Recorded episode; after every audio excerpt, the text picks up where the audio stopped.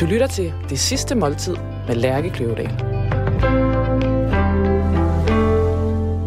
Line Jensen, illustrator, starter jeg bare med at kalde dig. Ja. Velkommen til dit sidste måltid. Tusind tak. Og Ej. øh, det vidunderlige er, at øh, du ikke ved, hvad du øh, skal have at spise. Ja, og jeg glæder mig så meget. Du har sat det frit. Du har sat menuen fri. Ja. Undtagen desserten. Ja. Så Jonas han har fået lov til at øh, freestyle. Ja, lidt i hvert fald. Mm. Øhm, og øh, som du skrev til os, så har du boet i Italien Ja. i et års tid, og faktisk troet, at du var italiener i Ja. et par år. I mange år, ja. Så det er det udgangspunkt, jeg har taget, og, og lavet det lidt den vej. Og så med udgangspunkt i nogle, hvad kan man sige, nogle sæsonråvarer, som du også nævner lidt. Mm. Øh, og en anden ting, vi kan forstå, at du er en stor fan af programmet, eller i hvert fald lytter flittigt. Ja. Og, Sådan, øh, og har lyttet til det afsnit med Anders Morgenthaler. Ja. Det er du ikke den eneste, der har. Og, øh, og jeg tænkte, jeg laver noget andet. Nice. Øh, jeg vil gerne have haft præcis samme. Ja. Ej. Ej, så, så godt. vegetarisk bliver Mhm. det, all the Ja. way. Og øh, ja, så har jeg fundet på noget. Og det første, jeg skal have, det er sådan helt klassisk. Nu nævner du uh, Toscana. Ja. Så det er måske en af de mest klassiske Toscana-retter, der hedder panzanelle. Panzanella. Og øh, det er sådan en salat, som man bare sidder op på terrassen og spiser en, en sen aften med et godt glas lokal vin. Mhm. Mm. Øh, og det spiser de alle sammen. Så det bliver næsten ikke øh, mere sådan originalt. Ej, det er så, Så det er, det er en salat ret simpelt med agurker, øh, tomater, det er så San Marzano tomater, de her dadeltomater, øh, rødløg, basilikum, øh, brød, crotonger, eller gam, daggammel brød, Mm. øh, dynget ind i olivenolie, god olivenolie og hvidvinsedike. Perfekt. Så ja, helt simpelt. godt. Jeg Mhm. elsker det allerede. Og øh, så har jeg fundet en vin til. Øh, igen, noget lidt lokalt, og noget, som, som de selv drikker, ikke, som, er, som er ukendt, som ikke er sådan super øh, ud over alle steder. Så jeg har allieret mig med nogen, som hedder Via Vino, som specialiserer sig i små producenter. Øh, inden, for, inden for vin selvfølgelig. Ikke? Og øh, I skal have den her. Den er godt nok fra Emilia Romagna, som er, hvor er Bologna er, er hovedstaden. Øh, Så er vi uden for en- Det er tæt Lidt nok. ude for Toskana. Så kan Øh, desværre ikke drikke det. Nej, så kan ikke rigtigt. Men i hvert fald øh, økologisk produceret, som du også nævner, det, det, er sådan, det har du også en eller anden Det går forkærlighed også for. igen. Ja. Så øh, ja, det får jeg lov at prøve. Ej, og så har du også skrevet, at du var måske klar til naturvin. Ja. Den her sådan, øh, nu vi smagte lige på det, før du kom.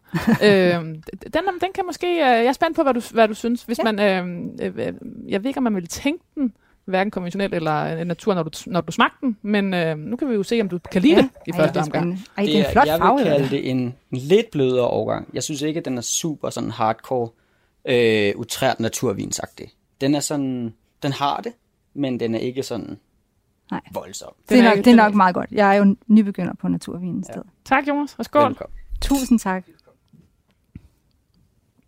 Ej, hvor er det godt. Var det, var det godt ramt? Ja, det er helt perfekt. Godt. Jeg elsker jo, at du øh, selvfølgelig, øh, du er også et høfligt menneske, så selvfølgelig har du gjort opmærksom på, at du også synes, det kunne være sjovt at Altså, vi to skulle snakke sammen i programmet, men du har også gjort meget ud af, at måske mest af alt, så glæder du dig bare til, at du skulle spise, og du ikke selv skulle tage opvasken. Ja, ej, det er, så- det er den største luksus, altså det er at spise mad, som andre har lavet. Men øh, jeg, synes, jeg synes, det var et vildt call, at du øh, ikke selv ville bestemme. Og men jeg ønsker jo også en retning. Du ønskede en Det var jo ikke sådan, jeg bare sagde, find på noget. Nej. Det kunne jeg også have gjort. Ja. Men så ville jeg alligevel være bange for at få noget med trøffel. Og det er det eneste, jeg ikke kan lide. Lige nu, jeg um, har skrevet en nekrolog. Ja, det Og, øhm, øhm, har jeg også glædet mig til at høre. Og jeg skal skynde mig at sige højt her, at jeg har skrevet dem meget specifikt på baggrund af tre artikler, der er skrevet om dig. Og det er en fra Politiken af Emil Bergløv, en fra Berlinske af Sara Iben Albjerg, og Eurowoman af Marie Lodberg. Det skal vi lige have med til citat. Mm. Jeg har skrevet et par overskrifter. Lavet to overskrifter på dig, Mm. øhm, som du kan være med til at vælge. Og nu får du den første. Det er en omskrivning fra en øh, anmeldelse, øh, du fik i Politiken med Kim Skotte. Og jeg har kaldt den sådan her. Line Jensen blev kultdyrket for at tegne sine skrigende unger og sine hængepatter. Mm. Det er den ene. Den kan man gå ind i efterlivet med. ja, det gør jeg godt. Med stolthed, vil jeg sige. Præcis.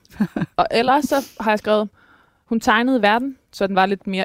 Lidt, hun tegnede verden, så den var lidt mindre ensom at være i. Illustrator Line Jensen er død. Mm. Det er meget smukt. Altså, den har jeg sådan set bare selv fundet på. Det er flot fundet på. Så det er ligesom de to. Øhm, du er på den ene side, at du er øhm, kultdyrket. for lige præcis øh, skrigende unger og hængepatter og børneliv og kaos.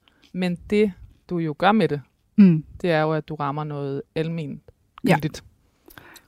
Jeg tror, på den måde vil jeg nok, hvis jeg selv må vælge, og Det det, må må du. jeg jo nu, Mhm. så vil jeg nok vælge toeren. Ja. Fordi det er jo rigtigt nok det første, og det er også sjovt, og det er skrigende unger og hængepatter, men det handler jo om det andet. Det handler jo netop om at prøve at få folk til at række ud efter hinanden og nå hinanden og mødes i hængepatter og skrigende børn, men ikke stå så alene i det der kaos. Har du været overrasket over, at det var det, der skete? Ja. At det var den følelse? Virkelig overrasket. Men øhm, ja, på en god måde. Jeg giver nogle ord. Så skal du fortælle mig, om du øh, synes om dem. Tegner, Mm. grafiker, Mm. samfundsrevser, Ja, på en lidt stille måde. helt stille sig samfundsrevser. Sådan en lille en listen øh, revolution. Ja. øh, humanist, Mm. købmand, Også det, ja. Satiriker, Mm. feminist, Ja. klimaforkæmper. Mm. Lidt nok. Ikke nok, ikke nok klimaforkæmper. Mm. Rettes til. Forfatter, Mm. butiksejer, Mm. grafisk designer. Ja, ikke så meget mere. Jeg har lavet mig fortælle, at, man, at der er stor forskel på, om man er grafiker eller grafisk designer, og man virkelig kan træde nogen over tæerne. Grafiske designer kan man træde over tæerne, hvis man kalder dem for grafikere. Ja, det er rigtigt, men jeg har altid bare kaldt mig selv for grafiker, for jeg synes, grafisk designer lyder sådan lidt posh. Okay, så du embracer grafiker? Ja. Og grafisk designer, når den nu står her. Mm, ja, Så er det helt. men det synes jeg lidt mere, det er jo bare sådan en profession. Det, ja. Jeg føler ikke, det er noget, jeg på den måde er som person. Nej. Men det har været mit arbejde i mange Ja. Insta- Instagrammer? Ja. Aktivist? Mm. Skal du sige ikke nok igen? Ja. Eller hvad? Line Kelsen Jensen er død. Mm. En mor, der er ved at drukne i en pøl af børn, krav, blæer, vasketøj, rengøring, amning, planlægning. Så ærligt tegnet, at man instinktivt skynder sig at trække luft ind af ren iltmangel, af ren genkendelse, når man ser tegningen. Nattens angst tegnet med vågne, stigende øjne og alt det grå, der kryber ind. Tortende forældrekærlighed, tegnet med den blideste streg og sætningen, okay, så siger vi, at jeg ligger vågen resten af mit liv på grund af dig. Børneliv, voksenliv, kvindeliv. Parforhold, fællesskab, ensomhed, hamsterhjul, tindrende lykke, uretfærdighed, usikkerhed og hardcore kvindekamp. Line Jensen nærstuderede tilværelsen med udgangspunkt i sin egen klan, sin musikermand og tre døtre i haveforeningshuset på Amager og i sommerhuset på Møn. Er det en færre måde at introducere dig på? Ja, det synes jeg er en flot måde. Du tegner det stille, så det taler til de mange. Ja. Ja, det har jeg jo fundet ud af. Og jeg synes, det er meget godt, du øh, bemærker det der med, at hvis man tegner noget, altså hvis jeg er meget vred for eksempel, så tegner jeg det tit med sådan en meget vred streg, og hvis jeg sidder og elsker mine børn meget højt, så kommer der tit en lidt blidere streg. Og det er den der måde at tegne på, der tit sniger sig med ind i tegneren og ud til folk, der ser dem. Jeg har set i et interview med dig, at du, øhm, at du øhm, hvor du har skrevet, at du prøver, at nogle gange skal det godt føles fristende at, at øhm, tegne om, altså tegne det bedre, tegne Ja, det flottere, ja. men at, øh, at det ikke fungerer, når du gør det. Hvad, det, hvad sker der? Jamen, så har man jo ikke den samme følelse, når man skal sidde og tegne det en gang til. Det er virkelig tit første gang. Og det, i lang tid, så gik jeg jo også og slog mig selv i hovedet med, at jeg ikke tegnede godt nok, og det ser ikke rigtig nok ud. Og jeg gik jo i gang med at tegne, for at blive bedre til at tegne, og for at tegne noget, der så mere ordentligt ud. Og så var det først undervejs, da jeg var i gang med det, at jeg fandt ud af, at det var måske i virkeligheden ikke det, der handlede om. Fordi at det, der fik mest sådan budskab eller følelse igennem, var tit de dårligste tegninger, sådan rent tegneteknisk.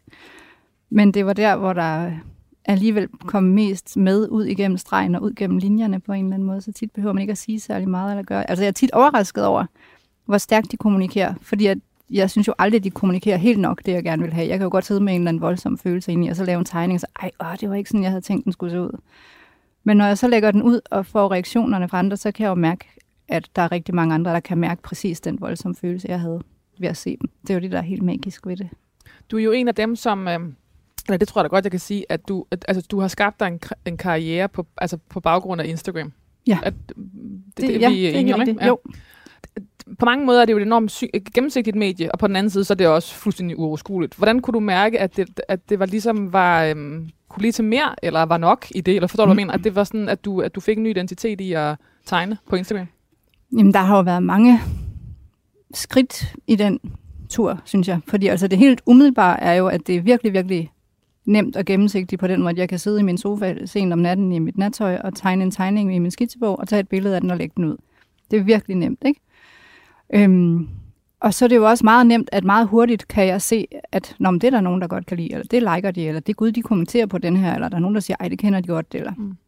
Og det var jo meget tidligt, at jeg oplevede den form for feedback, og det var jo en kæmpe motivation allerede der, at ej, der er nogen, der kan bruge det, jeg laver til noget. Der var faktisk nogen, som netop følte sig genkendt, eller åbnede samtaler med deres mødergruppe, eller med deres mænd om nogle af de ting, jeg havde lagt ud, som jeg egentlig mest lavede for min egen skyld i starten.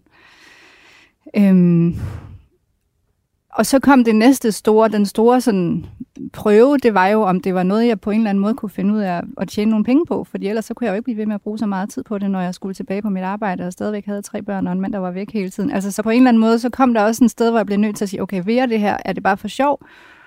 Øhm, fordi hvor meget, altså, jeg bruger jo sindssygt meget tid på Instagram. Det ser jo meget hyggeligt og let ud, men det er jo et kæmpe, kæmpe arbejde, Arbejde, ja. som jeg ikke rigtig selv forstår stadigvæk, hvor stort arbejde det er. Jeg bliver ved med at tro, det er sådan noget, jeg gør lidt for sjov ved siden af. Øhm, men i forhold til min familie og alt, bliver jeg nødt til at finde ud af, er det her noget, jeg kan bruge til noget, eller er det bare noget, jeg gør for min egen skyld? Og der, der bliver jeg jo nødt til at finde ud af, kan jeg sælge nogle af de her tegninger? Er der nogen, der vil købe dem? Kan jeg lave dem til et eller andet produkt, som nogen kan bruge til noget? Og der tog det mig jo noget tid, sådan ligesom at blive overbevist om, okay, jeg prøver at samle de her tegninger til en bog og få den udgivet, og jeg prøver at lave en webshop og sidde og pakke alle tegningerne og sende dem ud til folk og sådan noget. Ikke? Og så har jeg jo været selvstændig altid i forvejen, så jeg kunne skrue på min grafisk designvirksomhed og tegne mere og mere, samtidig med at blive ved med at lave kundeopgaver for nogle andre. Og på den måde har jeg sådan langsomt kunne få det til at fungere. Ikke? Det blev sådan en Øhm. lakmustest for at se, okay, kan det fungere uden for det her? Ja, og Rum, hvis ikke Instagram. det havde det, så, så, øh, så var det nok dødt lige så stille ud igen. Ikke? Mm. Line Jensen begyndte at tegne, da hun var på barsel med sit uh, tredje barn. Hendes veninde udfordrede hende til hver dag at lægge en tegning på Instagram. Hun greb den og blyanten med venstre hånd, for den højre brugte hun, når hun ammede. Jeg går ud fra, at du er højrehåndet. Ja. Line Jensen af, afbildede, at øh, barselslivet ikke var den fest, de fleste går rundt og taler om. Tegningerne skulle fungere som ventil, som kunne punktere forventningerne til barselslivet. Et egoistisk projekt, kaldt det selvterapi, hvor hun fik udtrykt og udforsket sine følelser, frustrationer og fornemmelser. Men det havde en smitteeffekt. De små øjeblikke fanget med en stiftblyant og sat i en kvadratisk ramme på Instagram, vagte genklang hos andre nybagte mødre og kvinder generelt, og 45.000 endte med at følge med på Instagram. Da det gik op for hende, at tegningerne kunne tage lidt af vægten fra tunge ammeskuldre og andre OB'erne kvinder, fortsatte hun. Og det er for Euro, Euro Woman. Mm-hmm. Øhm, på den ene side, så har man aldrig øh, snakket så meget om moderskab, øh, som man i hvert fald i øh, Mm. storbyerne, Mm. det ved jeg ikke, om jeg nærmest tør at sige det, gør i dag. Og på den anden side, øh, så kan jeg nærmest selv mærke en træthed, når jeg læser op, at det er kv- sådan kvinder, der læser med. Eller forstår Ja, du, forstår ja du, jeg forstår fuldstændig. Ja. Øhm, jeg ved ikke, hvad du har gået og troet, der ligesom skulle foran dig i dit, øh, du ved, hvad du skulle være, når du var storagtigt. Men havde du, øhm, havde du ligesom tænkt, at det skulle være den her rolle, Nej. du skulle... Øh, Nej, det havde jeg virkelig ikke. Og man kan jo også sige, at det er jo fuldstændig grotesk, at jeg begyndte at tegne alt det her for at komme væk fra rollen mm. som mor. Og det, altså, det hang mig jo ud af halsen, at det øjeblik, man fik et barn og skulle på barsel, så var det det eneste, man var. Så kunne man kun være mor. Alt det, man plejede at være, alt det, man plejede at kunne og skulle og synes og sådan noget. Det var der ikke nogen, der var interesseret i, fordi du er mor. Det er dit Ja. ja. livs største opgave. Du elsker det her øjeblik, ikke?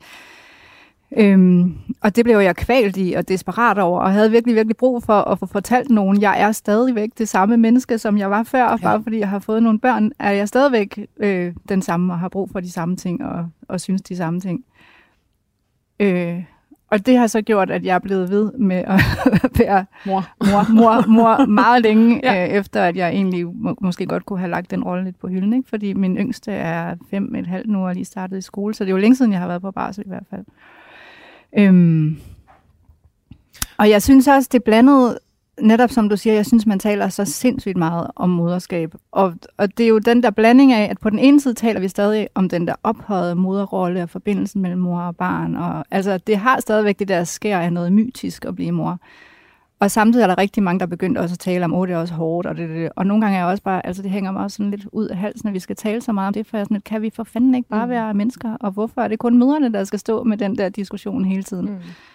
Uanset om det er, at det er deres livsstrøm, der går i opfyldelse, eller om de ikke kan holde det ud. Altså hvorfor kan det ikke være en forældre, øhm, et forældrevilkår i virkeligheden? Fordi det er jo klart, at der sker et clash, når man har levet hele sit liv og selv bestemt, hvad man vil, hvornår man vil, og så pludselig er man afhængig fra nogle andre mennesker, der har nogle behov, der er vigtigere end ens egen. Altså, der kommer jo selvfølgelig et, et identitetsskred lige der, men jeg synes, det er sindssygt, at det identitetsskred er så meget større for kvinder, end det er for mænd.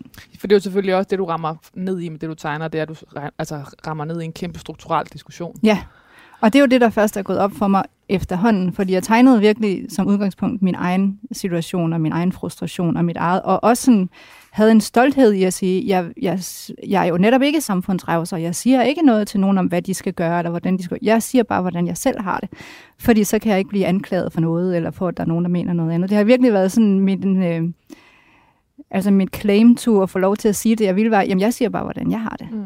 Har du en, øhm, øh, øh, oplever du et større og større ansvar øh, for den biks, du driver? Øh, fordi der er så mange, der kigger med. Ja, det gør jeg nok. Var det nemmere at skrive, da der var få, der, eller tegne, undskyld, da der var, da der var få, der...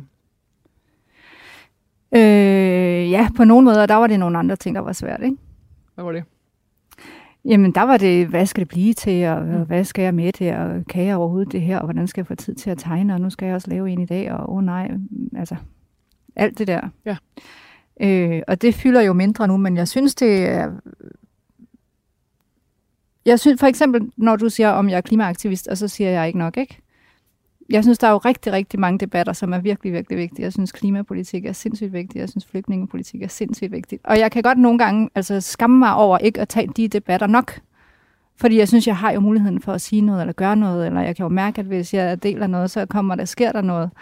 Øhm, og det er jo også et pres på den måde, at, at så føler jeg, at jeg burde gøre noget ansvar. hele tiden. Ikke? Ja. Og det øh, kan jeg jo ikke, og jeg kan heller ikke tage alle kampe eller alle debatter, og der må jeg jo også sådan på en eller anden måde holde mig inden for mit hovedemne, hvor jeg ved godt, hvorfor folk er hos mig og følger mig, men jeg vil helt klart også udvide de rammer løbende. Line Jensen blev født i 1976, voksede op i Aarhus og blev kaldt den dumglade hjemme i sin gymnasielærerfamilie. Mm. Forældrene var begge de første studenter i deres familie, og med en stolthed over den akademiske identitet. Af samme årsag, årsag var det givet, at Line Jensen skulle på gymnasiet efter folkeskolen og på universitetet efter gymnasiet. Hun havde faktisk slet ikke indtryk af, at man kunne gå en anden eller en tredje vej. Hun havde altid tegnet, men det var noget, man gjorde, når lektierne var lavet. Den dumglade. Ja. det er jo sådan, du ved. Ja, men det hed jeg i mange år. Øh, dumglad er jo i hvert fald ikke rigtig en identitet, man kan tage med ind i din, dine tegninger og i dit virke i dag. Altså man kan sige, at den der, hele den der dumglade identitet har nok gjort, at jeg har lidt svært ved at tage mig selv særlig alvorligt. Okay. Øhm, er det godt? Nej, det er ikke særlig godt. Det, Nå, det kan jo være meget rart at ikke ja. tage sig selv for alvorligt. Jo, jo, men man kan også se meget af det er jo også det, jeg tager med i mine tegninger og, og lever af, og altså at jeg er ydmyg og selvironisk og kan se ting fra mange vinkler og sådan noget, ikke? men det har helt klart været en udfordring sådan personligt i mit liv, at jeg ikke altid selv føler, at jeg har haft ret til og mulighed for at sige, det gider jeg ikke, eller nej, jeg vil ej, eller god ved røv. Eller, altså det er jo også meget, meget af mit arbejde er jo også altså sådan en reminder til mig selv i virkeligheden, ikke? At, at jeg godt må melde mig lidt ud en gang imellem. Har det overrasket dig selv, at at nu ser jeg samfundsrevser, og selvfølgelig har det sådan en, en lyd over sig. Men, men øhm, gik der noget tid, før du begyndte at, før det gik op for dig, at det måske i virkeligheden var det, du var blevet fra dumglad til samfundsrevser? det kunne også være din, ja. det, det være din overskrift. ja, en god overskrift. ja, ja det, har, altså, det, har været, det har faktisk været en svær tur, synes jeg. Lige præcis det der skift der har været svært. Fordi det er jo, altså en ting er, at det er jo svært at få andre til at tage en alvorligt, når man ikke gør det selv. Men det er også svært lige pludselig at blive taget alvorligt, når man ikke selv tror på det.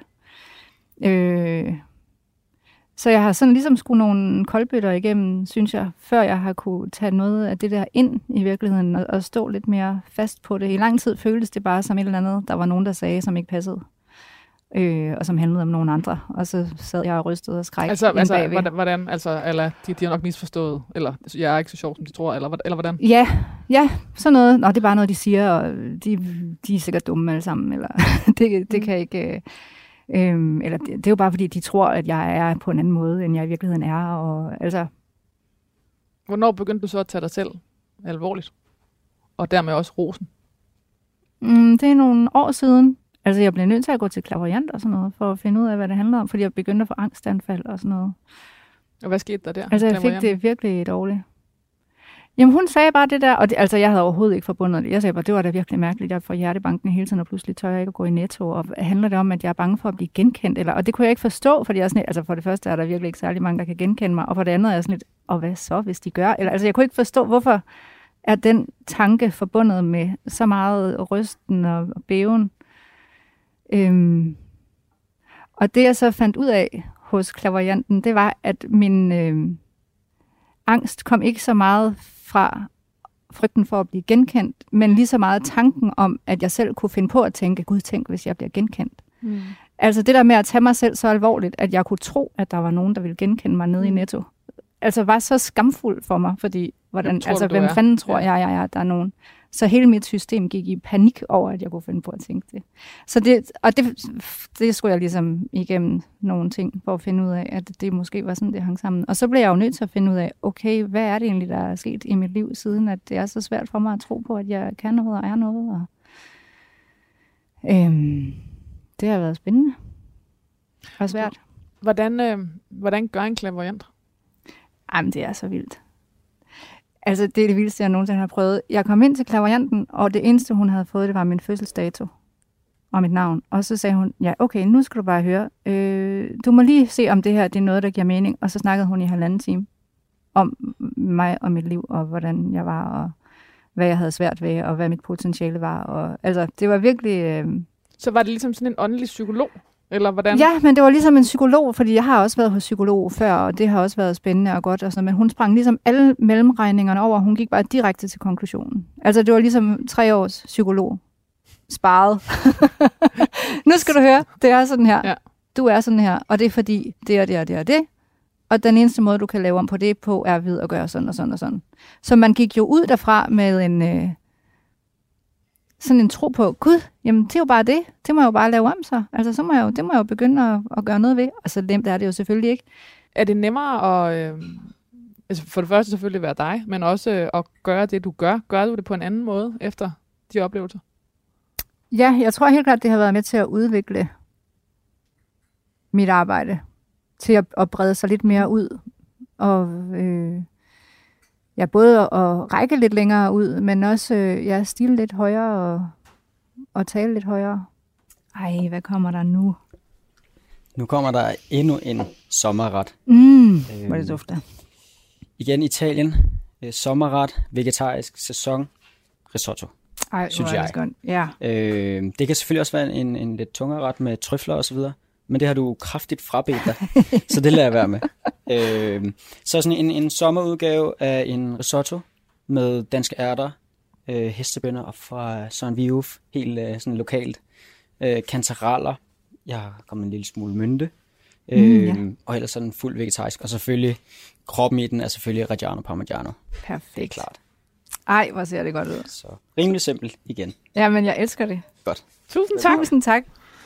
Okay, Line, så læser jeg lige den næste linje op for dig her. Ja, jeg bliver næsten lige nødt til at have min læsebrille på, så jeg rigtig kan se den her ret. Sådan her. På, på, så, så, du kan få, så du kan få øje på øh, ærterne. ja, præcis, for jeg kan mærke, at den er lidt sløret. Eller også er det bare det der ene glas vin. Øh, Line, Ken, Line, ikke nu skal jeg nok holde op med uh, Kelsen. Line Jensen havde et øh, fjumreår i Italien efter gymnasiet, men tog tudene hjem igen, fordi man kan jo ikke bare blive ved med at gøre det, man synes er sjovt. Og det er et citat fra politikken. Hvad handler det om? Hvorfor kan man ikke bare blive med at gøre det, der er sjovt? Nej, Hvorfor kunne man ikke? det kan man jo ikke, når man er vokset op med to gymnasielærere. Der er de første studenter i deres familie. Jeg ved ikke, det var planen, at jeg skulle ned et år, og det synes alle var en rigtig god idé. Især min mor som jo altså havde introduceret mig til Italien. Og vel at mærke ikke alle hvor som helst i Italien, men i Firenze, som var De store Renaissancens ja. højborg, ikke? Ja. Og jeg havde været med hende dernede på øh, studieture med gymnasieelever, og vi havde været dernede på alle mulige busture med alle mulige. Og sådan. Så det, der, der havde jeg været flere gange. Øh, og jeg synes, det var skønt, og alle synes, det var en god idé. Og så havde jeg haft italiensk i gymnasiet. Øhm, og så havde vi haft øh, udveksling i 2G Mm. med en italiensk skoleklasse fra Livorno, som ligger sådan ude ved kysten i forhold til Firenze. Så det var på den måde rimelig nemt for mig at tage til Italien, da jeg kom ned. Men det var Oplagt, virkelig også sådan, så gør du det, og det er rigtig godt, og så kommer du hjem. Tak. Øh, fordi så skal man starte på universitetet, fordi det kan jo ikke nytte noget Nej. at blive ved med at rende rundt derude og have det sjovt. Det var sådan ligesom, at det var mit formål, jeg skulle ud og lære Mhm. italiensk. Og så skulle jeg hjem og i gang med noget alvorligt. Øhm, Og hvad skete der på det år? Jamen, der skete jo... Altså, for det første, så var det jo første gang, jeg flyttede hjemmefra. Altså, der, det, blev jo, man, det var jo helt vildt udviklende. Og så det, at, at det lykkedes. Tog at du vi, alene derned, eller var der en veninde? Jeg eller? tog derned sammen med en veninde Ja, fra gymnasiet. ja. Og det var virkelig, virkelig fedt, fordi netop alle de der ting, altså vi havde aldrig turet noget som helst. Og vi, vi sagde sådan til hinanden mange gange i løbet af dagen, vi lader som om det er en film, og så gør vi det. det var en ligesom sådan, måde at ja, og den har jeg brugt mange gange siden, men det var virkelig sådan, okay, det her det er virkelig noget, vi overhovedet ikke tør. Nu lader vi som om det er en film, hvor vi spiller dem, der godt tør det, og nu går vi rundt med vores ansøgninger til alle Ja. caféer i den her gade. Men måske og også noget med ikke at tage sig selv helt alvorligt, hvis man nu skal blive det spor. Ja, altså, hvis kan man man, godt så kan man lade Ja. lidt som om i stedet for. Ja, det er Ja. bare noget, vi leger, ikke? Jo. Ej, hvor smager det godt. Mm. Men, men der er et eller andet, der går igen med også det der med at ikke at ville øhm, øhm, tillade sig selv. Øhm, Ja. Ja, Det- men det, der er helt klart noget med, ja, eller? der er helt klart noget med ikke at ville tillade sig selv noget, der er kun for ens egen sjov skyld, ikke? Fyldt nydelse ikke specielt meget i din opvækst? Nej, det tror jeg faktisk ikke. Altså for eksempel så havde min mor jo sådan en regel med, at man skulle spise det gamle franskbrød færdigt, før man måtte tage hul på det nye. Og man kunne godt have købt det nye, og så have det liggende på det var- køkkenbordet i to dage, mens man skulle spise de gamle skiver færdigt, så man kunne komme i gang med det nye. Og det var virkelig sådan, jeg kan huske det som sådan et oprør, sådan, jeg tager bare en skive af det nye franskbrød. Ha! Jeg kan huske, vi to vi havde sådan en øhm, dialog på Instagram, som netop lige præcis handlede om, øhm, du havde købt noget smørbrød, som du nærmest synes var alt for fint. Ja. Og, øh, og, og hvor... Øh, og du, at den der sådan... Øh, hvor jeg skrev, at du skal sgu da bare, til, altså, det, du skal da bare spise det, ellers er det da virkelig spild. Du skal da ikke både købe Jamen, det godt jeg også. smørbrød og ikke spise det. Altså, så er det jo dobbelt spild. Men, men, øh, Jamen, der er et eller andet med, at jeg skal retfærdiggøre over for mig selv, hvis ja. jeg skal gøre noget sådan rigtig luksuriøst. Og der er også noget, altså min familie, det grinede utrolig meget af mig, inden jeg skulle herind i dag, fordi de sagde, altså de kan jo servere hvad som helst, fordi uanset om det hele er brændt på eller et eller andet, så vil jeg bare sige, hej, det er helt perfekt, lige præcis brændt, det kan jeg rigtig godt lide. Eller, tusind tak, tusind tak. helt dumglad. Helt dumt glad. men, men altså, er det... Øh, og, og nu, Og det, jeg ved ikke, altså der tror jeg i virkeligheden, at vi skal længere tilbage end mine egne stakkels forældre. Altså der tror jeg simpelthen, det er generationer af underklasse, der springer frem i det der. Jeg skal ikke være til besvær, og det er sørme dejligt, at der er nogen, der har gjort noget, og jeg skal ikke påberåbe mig for meget opmærksomhed, fordi så kan det være, man kan blive smidt ud igen. og snak, når du snakker undertrykkelse, er det øh, øh, øh, de familiestrukturer, du selv kommer fra, eller er det Nej, jeg tænker, kvinde? jeg snakker underklasse. Det Okay. har ikke engang øh, noget med køn eller noget at Nej. gøre. Altså min... nu, går det, nu bliver det meget... Nu går vi flere generationer tilbage, ikke? Men altså på begge mine forældres sider af Aarhusianer er det jo arbejderfamilier, og øh, min oldefar var havnearbejder og stod i kø nede på havnen hver dag for at få lov til at få noget arbejde, og når han endelig fik Mm. noget, så gik han direkte hen på værtshuset og drak pengene op, og så var det min oldemor, der stod med tre børn og skulle skrubbe og skure for alle mennesker og få familien til at hænge sammen. Og min farfar gik ud af skolen i 7. klasse og blev bydreng, og så kæmpede han sig så op til at blive driftsleder på en stor kjolefabrik i Aarhus, der hed Tage Vangård. Men min farfar der, altså han gik hele livet med den der, uh, det skal jeg ikke tænke på, undskyld, undskyld, ja, jeg kommer bare ind her. Altså, og havde jo en chef, der ejede den der fabrik, som bare slog ud med armene og trynede ham fuldstændig, og han skulle bare makke ret og sige ja og tak og undskyld, og det fik sig jeg, og selvfølgelig, og det, det, det. Og, så, altså, og det, det smitter jo, altså Mm. den struktur, den, den siver jo ned igennem hele familien, ikke? Så hvis vi er ude at spise, hele min familie, det var jo for nogle år siden til en rund fødselsdag, så vil min faster insistere på, at vi alle sammen skal bestille det samme ved bordet, fordi ellers er det besværligt for kokken. Er det ikke? Nej, hvor vidunderligt. Det, er det er jo Ja. enormt sødt. Ja, og på den ene side, Og- så er jeg sådan et, ja selvfølgelig. Altså, jeg kan godt høre det med Ja, andre ja. øjne også, og sige, gud, det er da mærkeligt, og nu er Ja. man endelig på restauranter, så har man mulighed for at smage alt muligt. Mm. Og på den anden side er jeg sådan, ja, altså, det er da det mindste, man kan gøre. Her står der en anden menneske og laver mad til os. Så, som I godt nok så kan vi da gøre det nemt for ham ved at bestille det samme.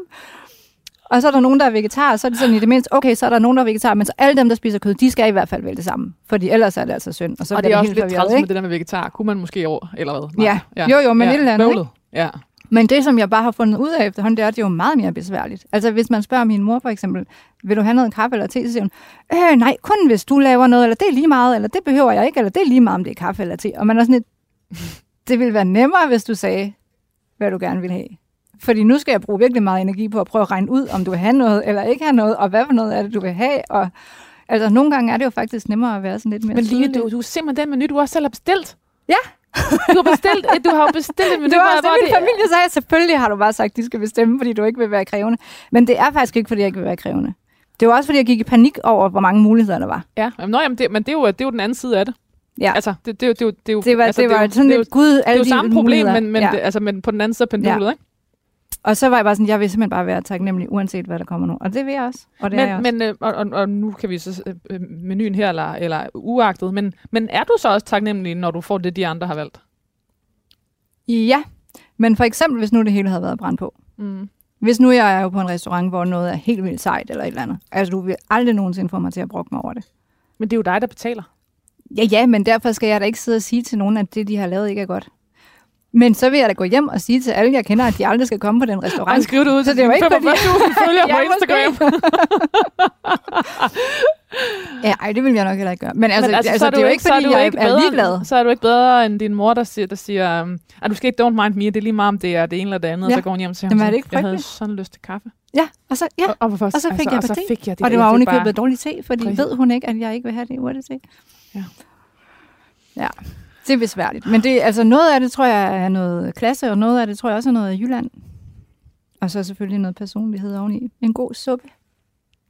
Men øh, øh, måske lidt den derhen, men er det ligesom... Øh, altså opdrager du dine børn på samme måde? Altså, Jeg prøver virkelig at lade være med at opdrage Ja. mine børn sådan. Og noget af det virkelig, virkelig fede ved at få børn, det er jo, at man får den lige i hovedet, hver gang man gør sådan noget der.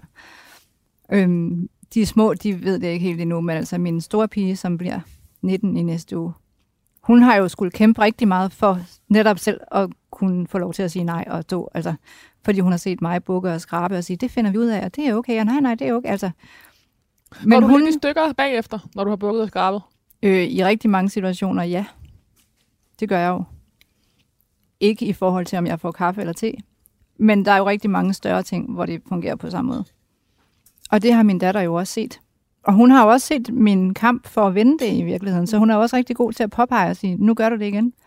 Det der, det siger du kun for at være venlig. Nu står du altså lige af på den der. Og det forpligter jo på en anden måde, fordi så bliver jeg også nødt til at vise hende, at jeg tager det faktisk alvorligt. Jeg vil gerne ændre de her ting. Nu ringer jeg og siger, at jeg kommer ikke alligevel. Eller Mm. hvad det nu handler om. Og hun er mega god til det. Og det er, er så fedt, altså. Hver dag starter det forfra, hed Line Jensens øh, første bog i 2017. En, en slags graphic novel, kaldte hun den. Det hed den.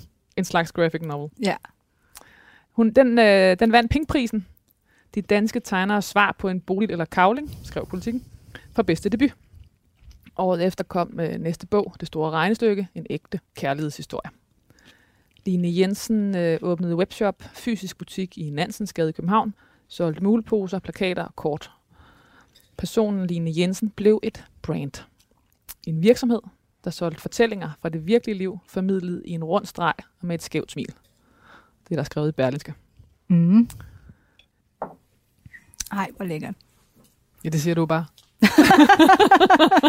det skal du jo sige, Line. Dem, der kender mig, de kan altså godt høre forskel på, når jeg siger, Når man er helt mm, tak, det er lækkert. Og når jeg siger, ej. Så. Jamen, det er, det er desserttid.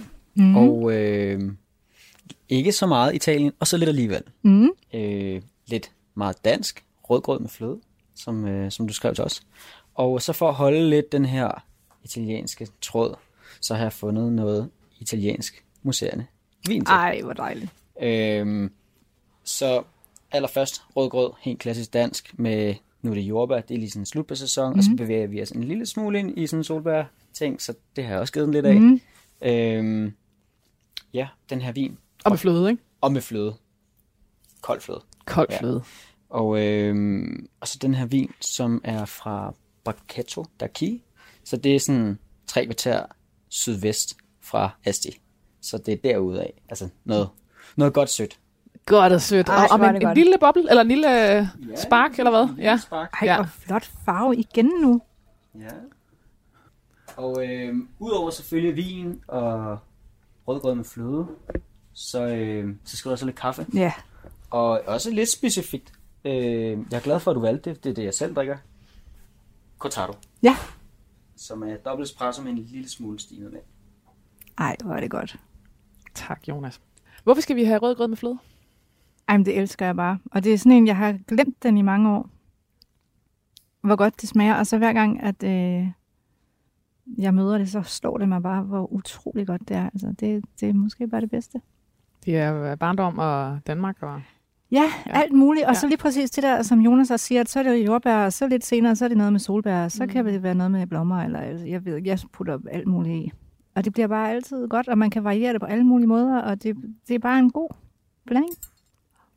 Fantastisk. Line Jensen lavede en pagt med læserne om at være ærlig og kom til kort, da hendes eksmand, der var musiker, døde af en overdosis i 2017. Hvordan tegner man noget, der også er andres sorg? På tegningen står mor og datter og kigger ned i en matsort grav. Nedenunder står ordene rock and roll. Line Jensen valgte at tegne sin egen utilstrækkelighed. Følelsen af at skulle bære datterens sorg var noget, der var større end hende.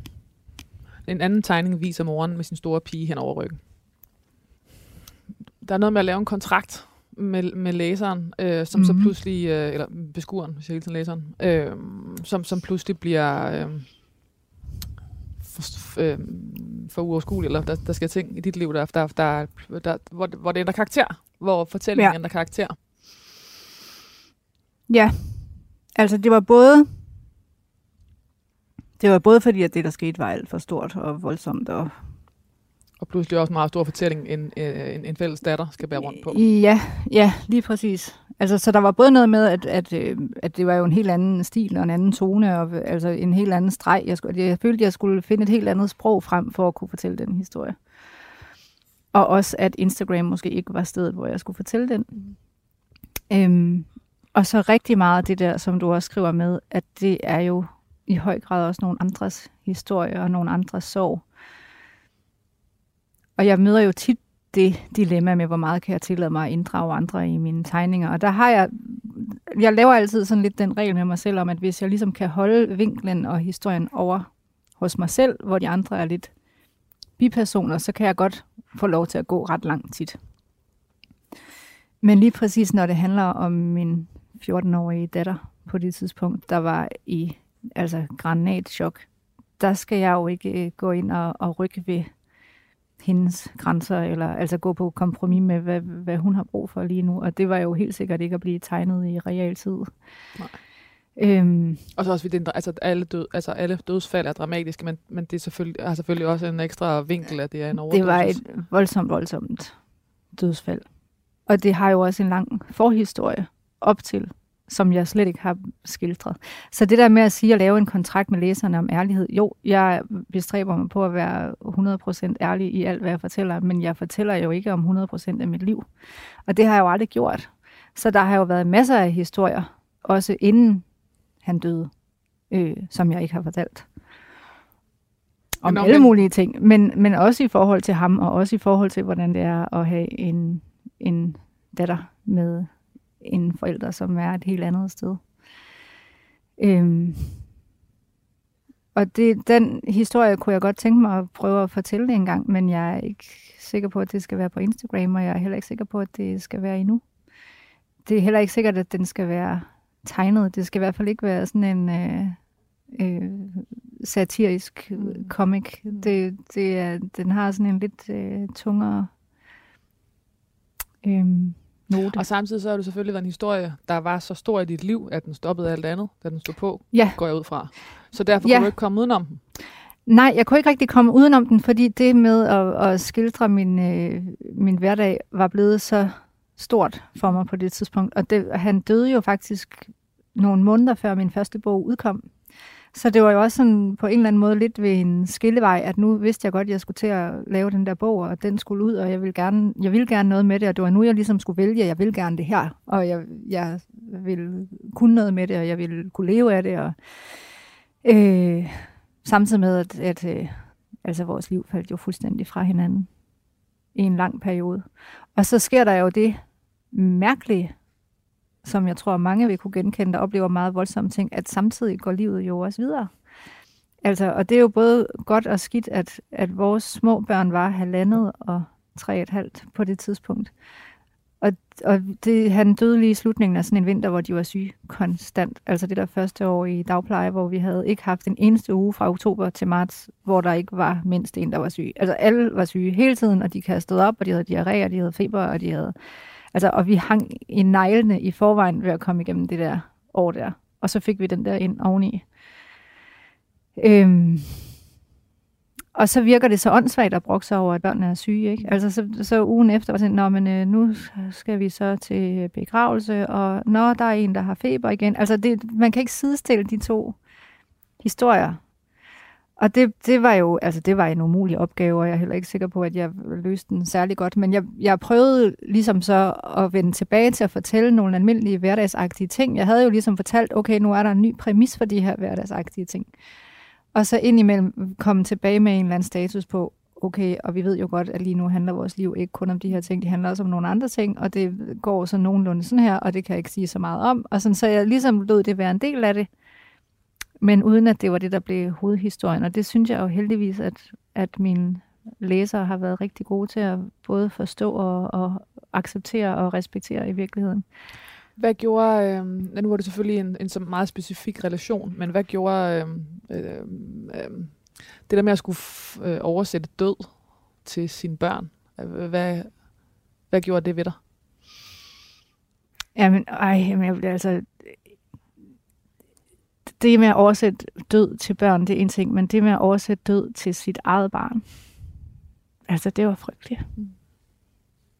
Og, og det med, at det kom så pludseligt, øhm, altså det tror jeg ikke, vi kommer over nogensinde. Og også i den forbindelse gjorde vi jo alt muligt forkert. Og, altså fordi der er jo ikke nogen, der har lært os, hvordan vi skal være forældre i den situation, eller vi skal være de voksne i den, men vi var jo alle sammen, jorden havde jo åbnet sig under os, og vi lå bare, vi hang i frit fald den der nat, hvor vi fik at vide, at han var død.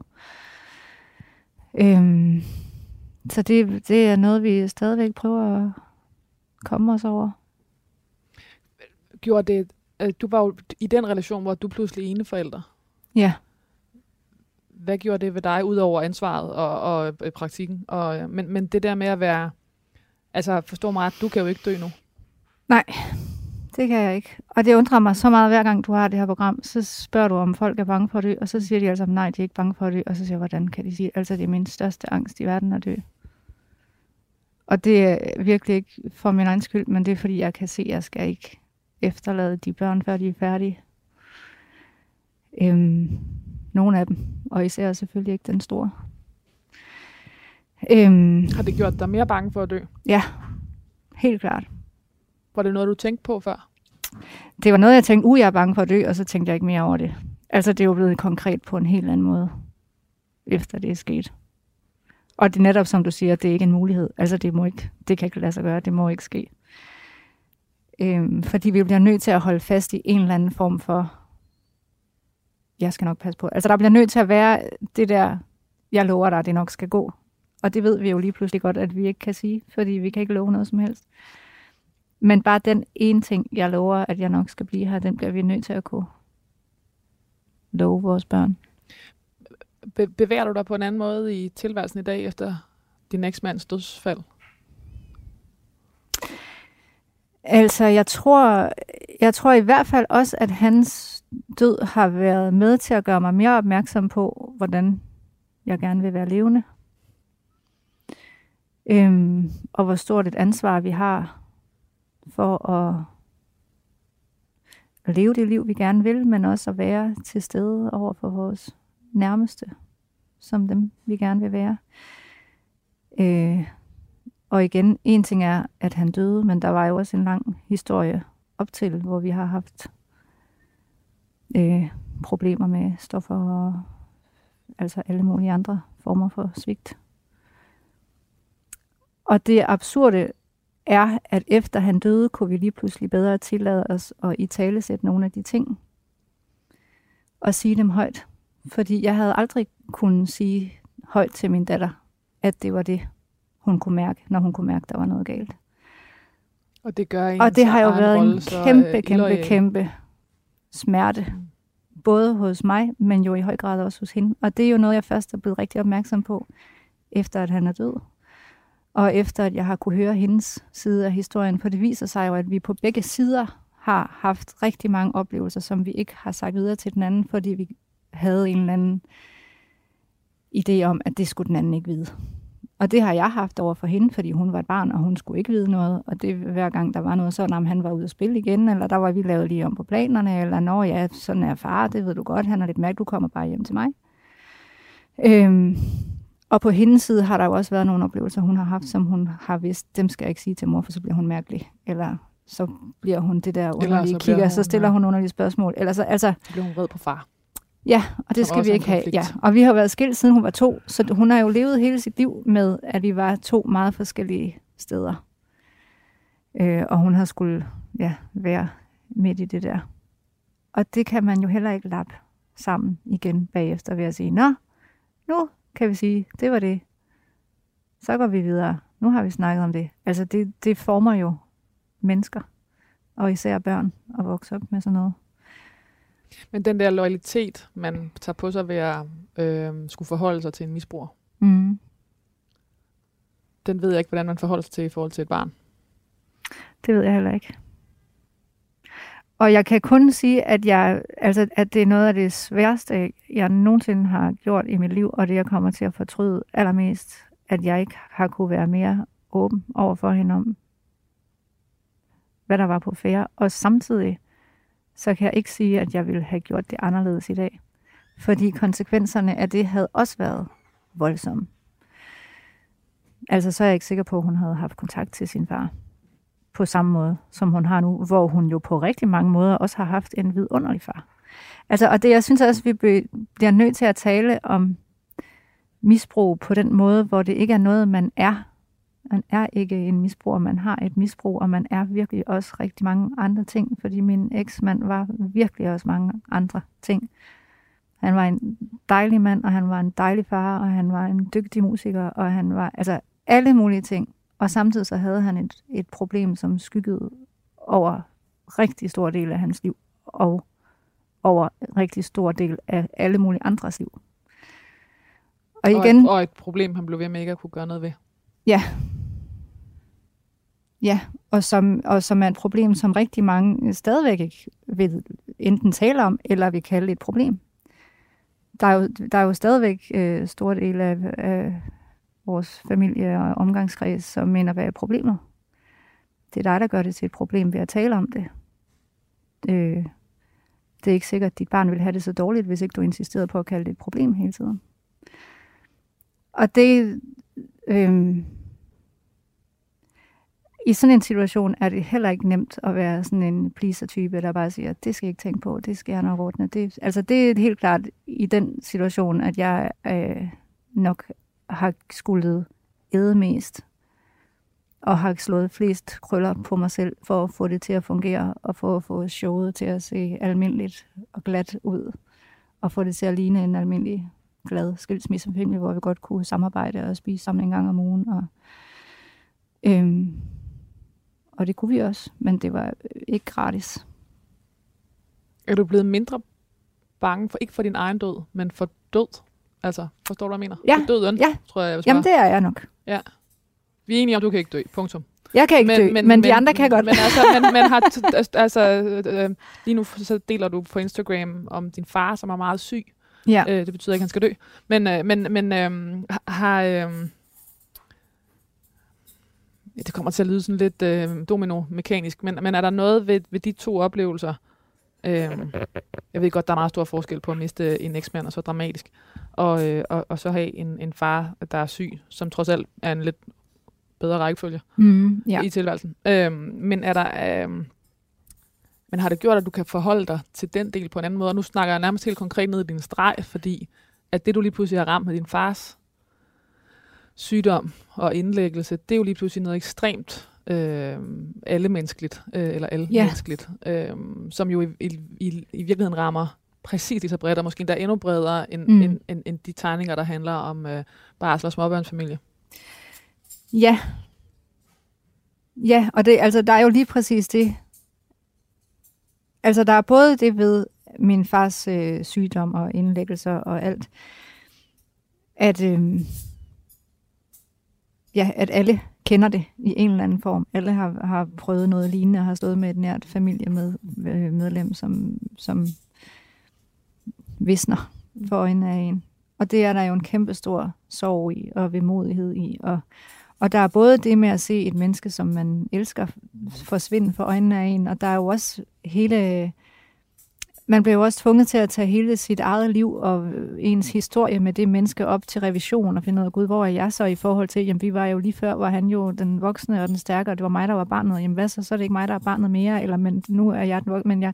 Altså, der, det sætter jo rigtig, rigtig mange tanker i gang, men, men som du siger, det er jo ikke, det er jo mine tanker, men det er jo alles oplevelse, og der er ikke noget tabubelagt ved at tale om de ting. Øhm, jeg har jo spurgt min far, om det var okay, at jeg skrev om det undervejs, og min far har jo måske været min allerstørste øh, fan, så han har jo fulgt min, øh, min udvikling meget, meget nøje, og han sagde med det samme, jamen det er klart, at hvis det fylder noget i dit liv, så skal det være med i din historie.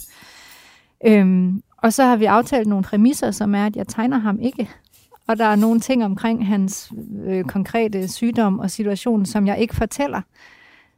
Men jeg, og igen, prøver at holde historien på min banehalvdel, så det er min oplevelse af at have en far, der er syg, der er hovedhistorien. Og så er det klart, at hvis det havde været hans historie, havde det været nogle helt andre ting, der fyldte. Ikke? Øhm,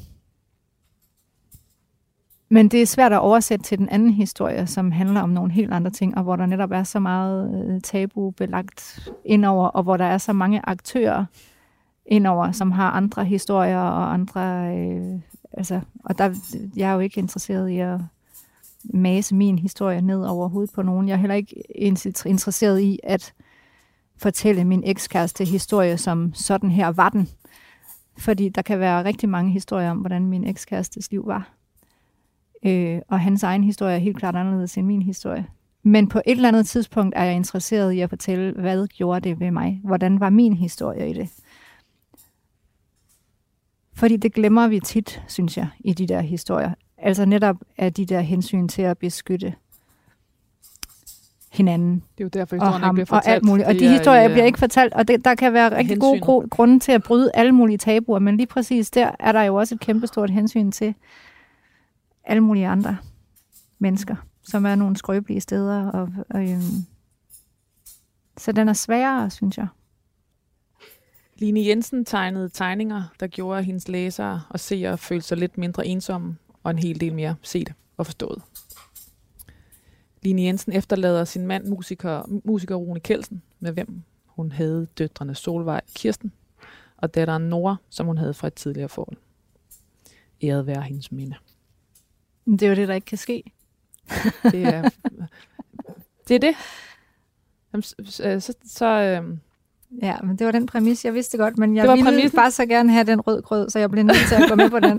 det var en rimelig hård spøj at gå med på det hele taget betragtning. Øh, Line, hvad skal der stå på din gravsten? Der skal tegnes noget, vel? Altså, jeg har aldrig nogensinde forestillet mig, at jeg skulle have en gravsten. Der er ikke nogen i min familie, der har en gravsten. Vi ligger alle sammen på de ukendte grav. Der er simpelthen ikke nogen, der har taget sig selv alvorligt nok til Nej. at kunne... Øh... Er det? Jamen, det er det. Men du kommer til at blive husket, så nu, må du, øh, nu bliver du nødt til at sætte, øh, at sætte streger under dig. Ja, jeg tror ikke, jeg tror ikke, jeg skal have en gravsten. Det kan jeg altså ikke forestille mig. Men det er også noget med, at, at det der med at have sådan et konkret sted og en kirkegård, hvor man skal gå hen for, altså... Men så må du køre gengæld, fem, så, må du så er vi rigtig gode i Så må du min, gøre det på en øh, ja. ja. Ej, den skulle jeg have tænkt over. Den burde jeg jo have vidst, du ville komme med. Det kan jeg virkelig ikke sige. Line Jensen, tak fordi du vil være gæst til det sidste måltid. Tak fordi jeg måtte komme.